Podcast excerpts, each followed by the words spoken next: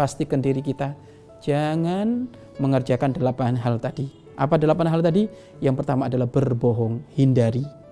Yang kedua adalah menggunjing, hindari.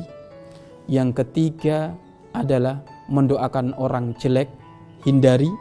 Yang keempat adalah melaknat, mengutuk, hindari. Yang kelima adalah memuji diri sendiri, hindari.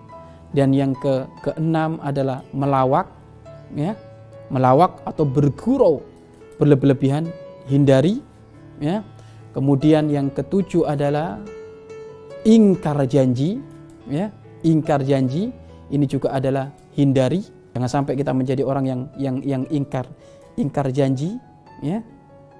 Maka ini termasuk adalah hal-hal yang yang yang yang sangat tidak tidak diperbolehkan dari urusan ingkar janji tersebut karena itu termasuk adalah sifatnya orang-orang munafik orang-orang munafik ya. Kemudian yang kedelapan adalah jangan sampai kita ini memuji diri kita sendiri.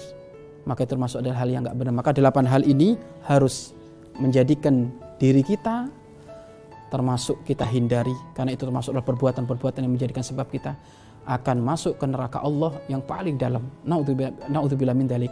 Maka katakan yang benar ucapkan yang benar, memperbanyak zikir kepada Allah Subhanahu wa taala karena itu termasuk adalah jalan-jalan pilihan. Jalan-jalan pilihan Allah Subhanahu wa taala.